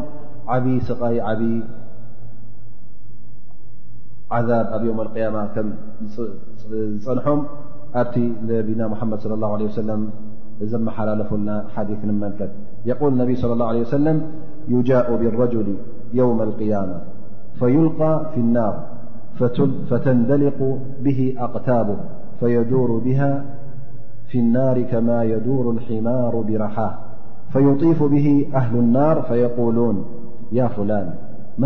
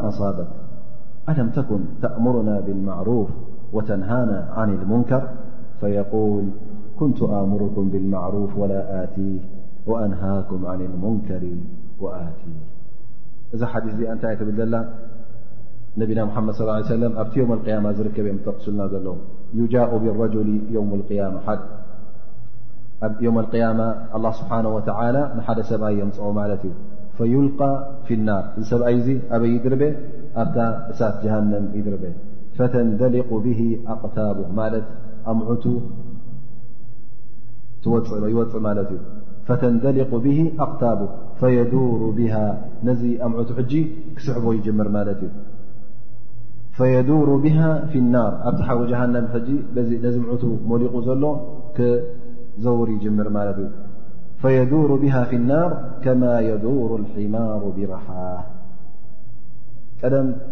እዚ ናይ ራሓ ማለት መጥሓን ማለት እዩ ከምዚ ክልተ ከበብቲ እምኒ ምፅኦም ኣሎ ብኢድ ከምዝኸውን ገጅፍ እምኒ ድማ ነይሩ ሕጂ ልክ ብገመድ ይእስር ማለት እዩ እንታይ ይኸውን እዚ ኣድጊዚ የዙሮ ማለት እዩ ነዚ መጥሓን እዚ ስለዚ ነቢና ሓመድ ስ ሰለም ነዚ ሕጂ የመስሉ ልክዕ ከምዚ ኣድጊዚ ብገመድ ነዛ ራሓ ወይከዓ ነዛ መጥሓን እዚኣ ዘዙራ እዚ ድማ ልክዕ ነቲ ኣምዑት ናቱ ምስ መሎቀ ልክ ከምኡ ከዝውር ይርከብ ፈዩጢፉ ብሂ ኣህል ናር ሕጂ ቶም ሓዊ ጀሃንም ዘለዉ ቶም ቅድሚ ሕጂ ዳዕዋ ዝህቦም ዝነበረ ይርእዎ ማለት እዩ ሕጂ ኩሎም እንታይ ይገብሩ መፁ ናብኡ ይእከቡ ማለት እዩ ንክመሩ ፈዩጢፉ ብ ይኸብዎ ያ ፍላን እብልዎ ኣንታ ፍላን ክስቶ እብልዎ ኩሎም ፅውዕዎ ማለት እዩ ማ ኣሳበት እንታይ ኮም ካ ኣብዚ ምሳና ኢሎሞ ኣለም ተኩን ተእምሩና ብልማዕሩፍ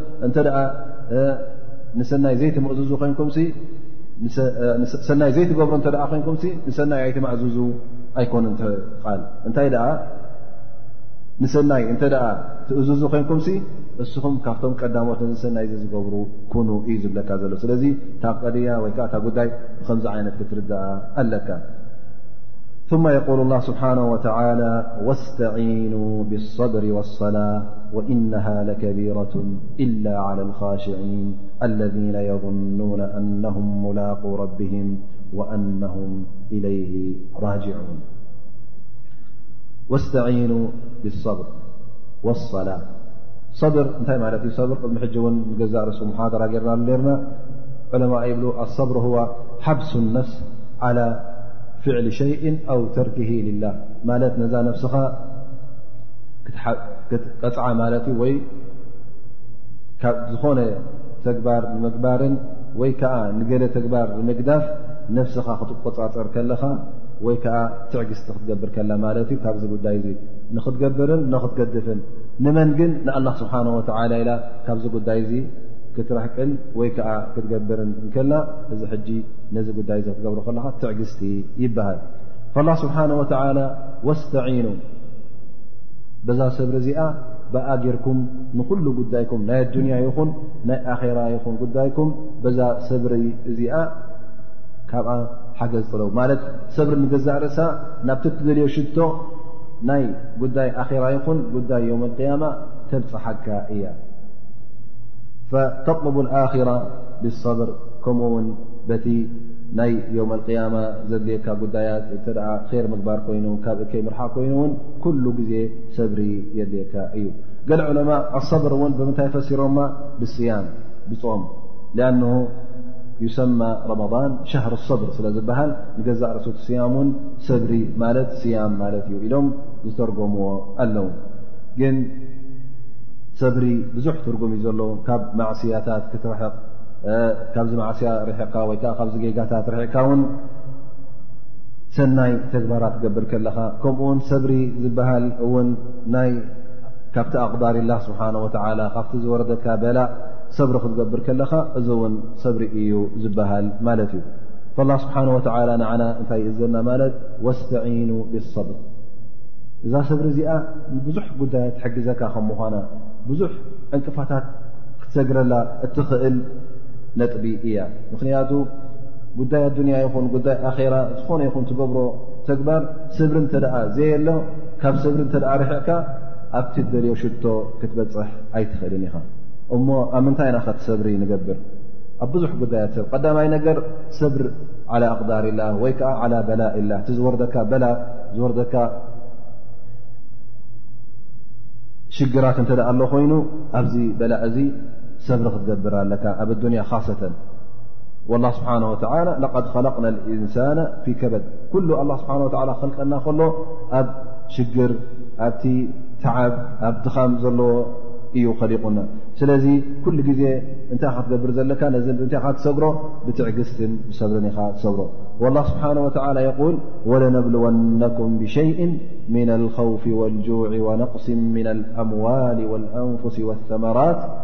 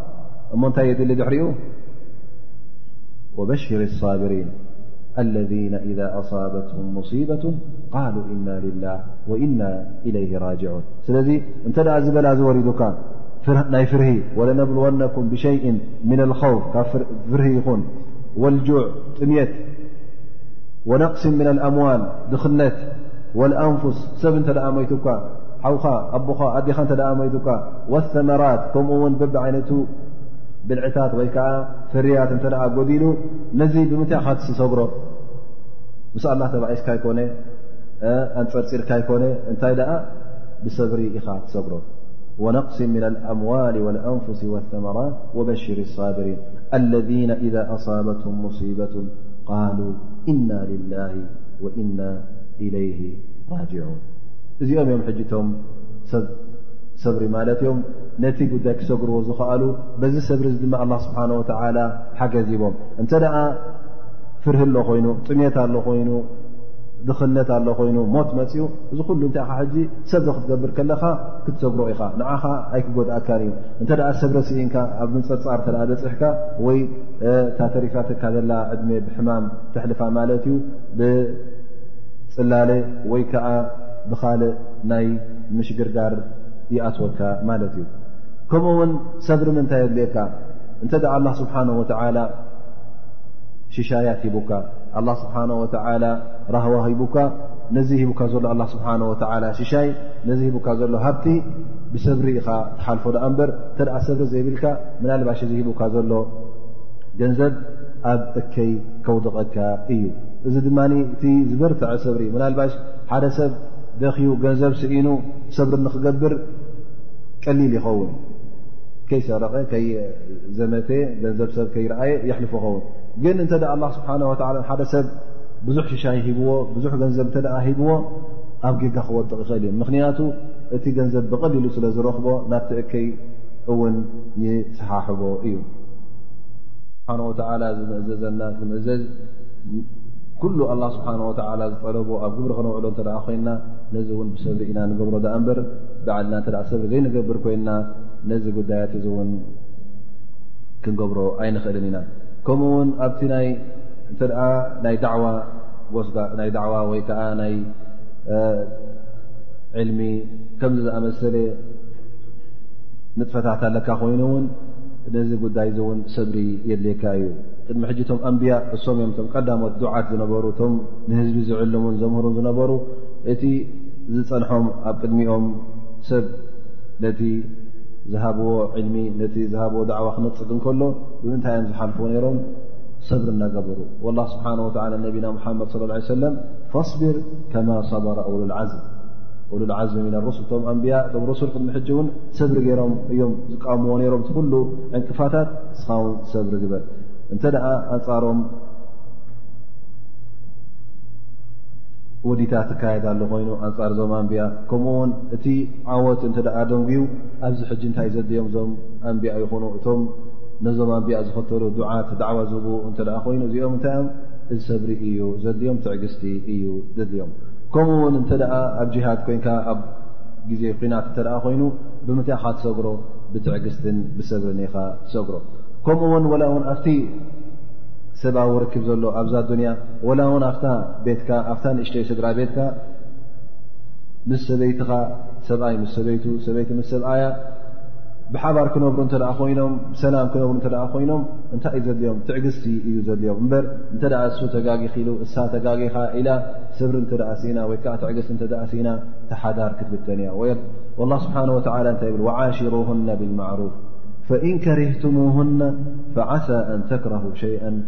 ወየጅዓል ላሁ ፊ ኸይራ ከራ ማለት ወላ እውን ፅልእዎን ወላ ውን ገለገለ እተ ፀሊእኩም ምናልባሽ ኣላ ስብሓን ወተላ ገለ እቲ ፀልእዎ ስኹም ብዙሕ ሰናያት ይህልዎ ኸውን ብዙሕ ር ይህልዎ ኸውን ኢሉ ንዓኻ የዘኻኽረካ ኣሎ እዚ እንታይ ማለት እዩ ሰብሪ ግበር ወላ ውን ፅልኣያ እዛ ሰበይቲ እዚኣ ፀሊእካያ ከለኻ ብዙሕ ር ውን ንህልዋ ኸውን ብድሕሪኣ ስኻ ዘይትፈልጦ ስለዚ ሰብሪ ግበር ይብለካ ኣሎ ማለት እዩ ሰብሪ ኣብ ኩሉ ጉዳያት ይኣ ዩ ኣብ ዳዕዋ ይኹን ኣብ ናይ ዕልሚ ይኹን ኣብ ናይ ጣዓት ላ ይኹን ኣብቲ ሰብኣዊ ርክብ እትገብሮ እዚ ኩሉ ሕጂ እንታይ ማለት እዩ ሰብሪ ዘይኣትዎ ጉዳይ የለን ወ ስብሓ ኣብዚ ኣያ ወስተኑ ብሰብር ወሰላ ከምኡ ውን እዛ ሰላት ውን ሓጋዚት እያ ብኣ ውን ተሓገዙ ካብኣ ውን ድጋፈ ጠለቡ ይብል ኣሎ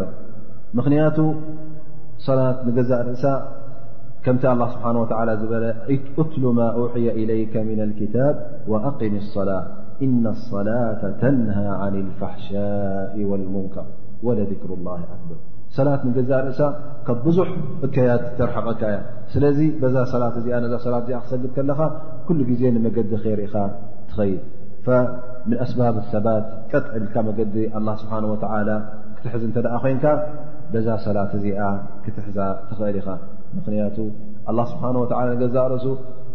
ወኢነሃ ለከቢራ እዛ ሰላት እዚኣ እውን ቀላል ኣይምሰልካ ዓባይ ነገር እያ ቀላል ኣይምሰልካ ነቶም ካሽዒን ማለት ኣላ ስብሓን ወላ ዝፈርሁን ንኣላ ስብሓን ወላ ዝኣምኑን መገዲ ረቢ ዝሓዙ እንተዘይኮይኖም ንካልኦት እዛ ሰላት እዚኣ ዓባይን ከባድን እያ ዝኾነ ሰብ ክገብራ ኣይክእልን እዩ ምኽንያቱ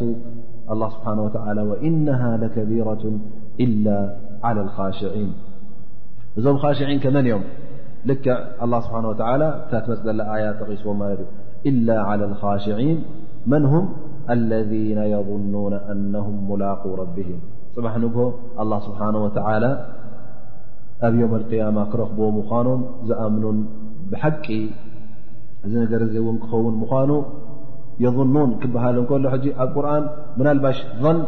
ክልተ ትርጉም ኣለዎ ኣብ ቋንቋ ዓረብ ቀዳማይ ብማዕና ሸክ ክትመፅ ትኽእል እያ ሸክ ወይ ከዓ ጥርጥራ ማለት እዩ ካልእ ግን ኣظን ያእቲ ብማዕና የقን ማለት ጥርጥራ ዘይብሉ እምነት ማለት እዩ ስለዚ ኩሉ ግዜ ና ወይ ከዓ ኣብ ቁርን ክትረኽባ ከለኻ የظኑን ገለ ክትመፅእ ከና ጥርጥራ ከይትመስለካ እንታይ ደኣ የቒን ወይ ከዓ ዘይ ጥርጠራ ዘይብሉ እምነት ክትከውን ትኽእል እያ ስለዚ ኣላ ስብሓን ወተላ ኣብዚ ኣያ ይኹን ኣብ ካልእ ኣያ እንተ ደኣ ርኢና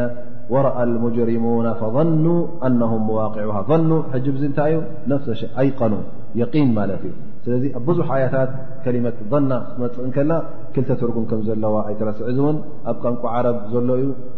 ንኣብነት ከም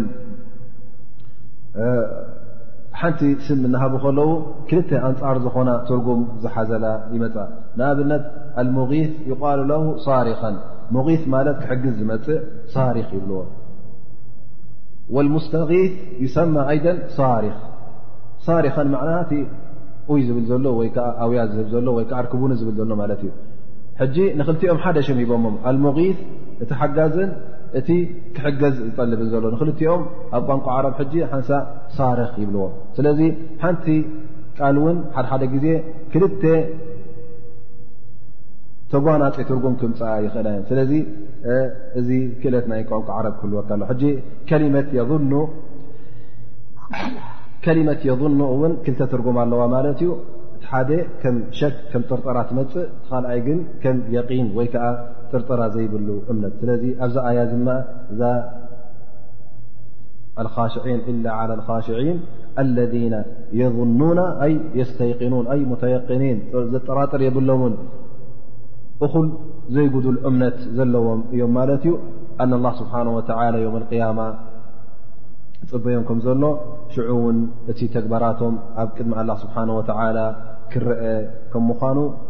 ተረኣዩ እውን ኣላ ስብሓን ወተላ እቲ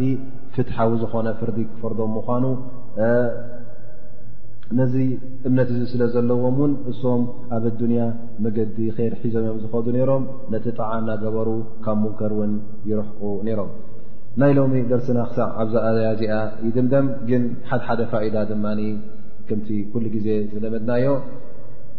ካባኹም ክልተሰለስተ ወይ ኣርባዕተ ንፅበ ካብኡ እንተ ምሳና ዘለዋ ፋይዳታት ነመሓላልፈን ማለት እዩ ስለዚ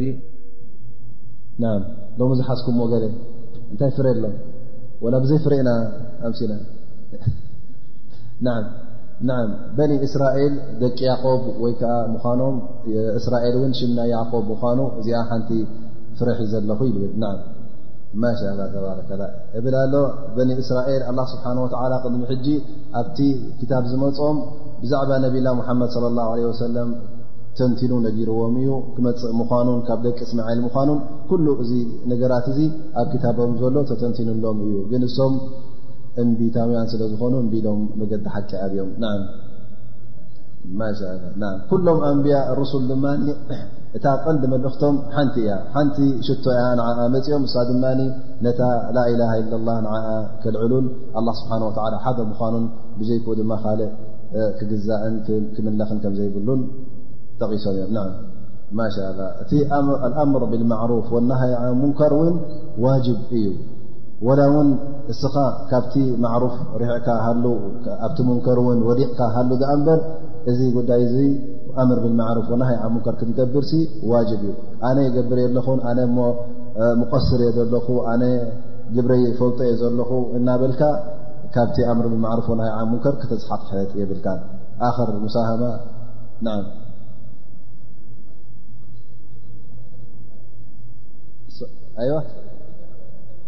ኣሰብር ኣሰብር ምፍታሕ ፈረጅ ኣስቢር ሰብራ ጀሚላ ኩሉ ሽግራት ዘጓነፈካ ሽግር ይኹን ኩሉ ነገር ብምንታይ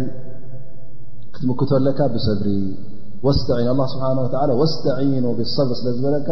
እዛ ሰብሪ እዚኣ ክትሕግዘካ ትኽእል እያ ዝኾነ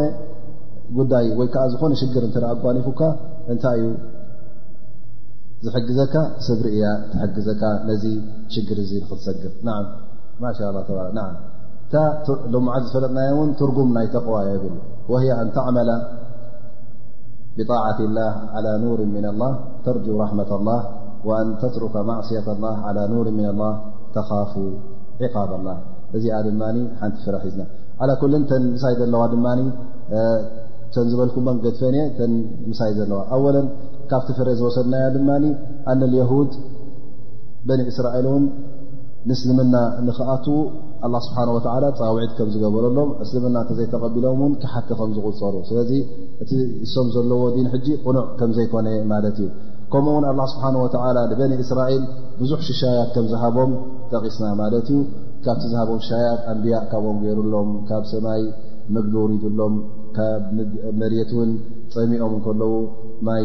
ኣፈልፊሉሎም ማለት እዩ ከምኡ ውን እቲ ናይ ኣላ ስብሓን ወተላ ሪዳ ክንረክብ እንተ ኮይና ብምንታይ ተኣሳሰረ እዩ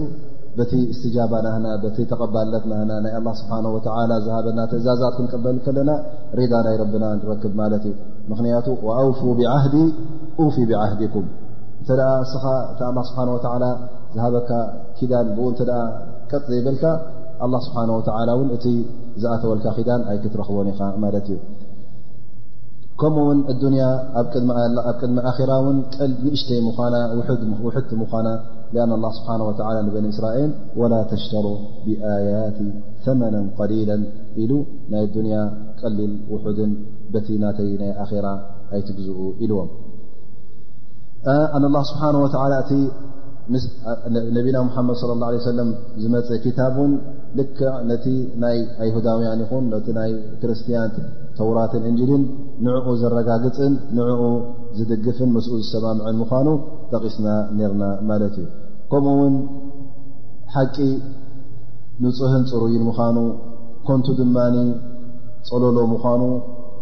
ክልቲኦም ድማ ክተሓዋወሱን ክተሓባበሩን ከም ዘይክእሉ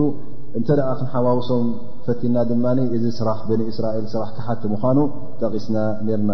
ከምኡ ውን ኣላ ስብሓን ወተላ ወርከዑ መዓራክዒን ስለ ዝበለና ድማ እዚ እንታይ ኣብ ትእዛዝ ማለት እዩ ናይ ጀማዓ ልዙም ጀማዓ ቀጢልና ምስ ጀማዓ ክንከይድ ዝእዝዝ ማለት እዩ ከምኡ ውን ከምቲ ሓደ ፍርያት ዝሓዝናዮ ድማ እንተ ሓደ ሰብ ስራሓቱን ተግባራቱን ኣንጻር ቃሉ እንተ ኮይኑ እዚ ጉድለት ናይ ዓቕሊ ጉድለት ናይ ኣእምሮ ከም ዘለዎ ጠቒስና ነርና ማለት እዩ ከምኡውን እቲ ዳዕዋ ዝህብ ሰብ እቲ መገዲ ሓቂ ዝሕብር ሰብ መጀመርያ እታ ነፍሱ እውን ክሪኣ ኣለዎ ማለት እዩ መገዲ ሓቂን መገዲ ኸይርን እናሓበረ ከሎ እሱ ብኣንጻሩ ኣብቲ መገዲ እከይ ክወድቕ ከም ዘይብሉ ኣብዚ መገዲ